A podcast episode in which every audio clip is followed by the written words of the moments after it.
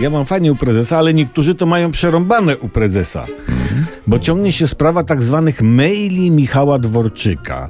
E, Różne tam aferki przez te maile się przewalały, ale teraz sprawa stała się naprawdę poważna, jak etiuda rewolucyjna Chopina. Albo pozycja San Marino w grupie I. Bo minister Dworczyk pisał w tych swoich mailach o panu prezesie stary dziad.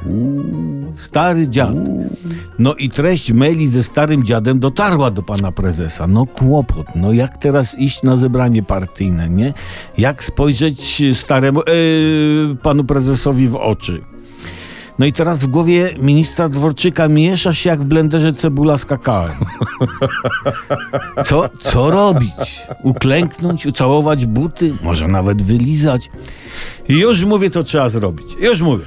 Musi powiedzieć panu prezesowi, pan Dworczyk, że tak naprawdę to on pisał o panu prezesie wielki wódz, tytan Trójmorza, doniosły winę tu, wyraziciel nas wszystkich, nawóz naszych nadziei, tylko to cholerna autokorekta Worda, wiecie, to ustrojstwo, które poprawia błędy, poprawiła ta autokorekta tytana Trójmorza na starego dziada.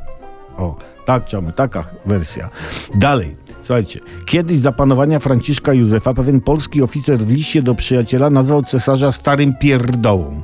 Cenzura przechwyciła list, sprawa sądowa, no i trzej profesorowie językoznawcy z Uniwersytetu Jagiellońskiego wydali opinię, że sformułowanie stary pierdoła oznacza dobrotliwego staruszka. I sprawa się rozeszła.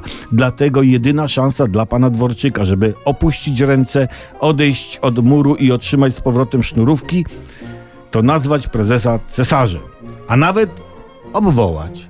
Jakiś nasz trybunał to pchnie na pełnym spokersie i sprawa zostanie załatwiona. Proste? Hmm.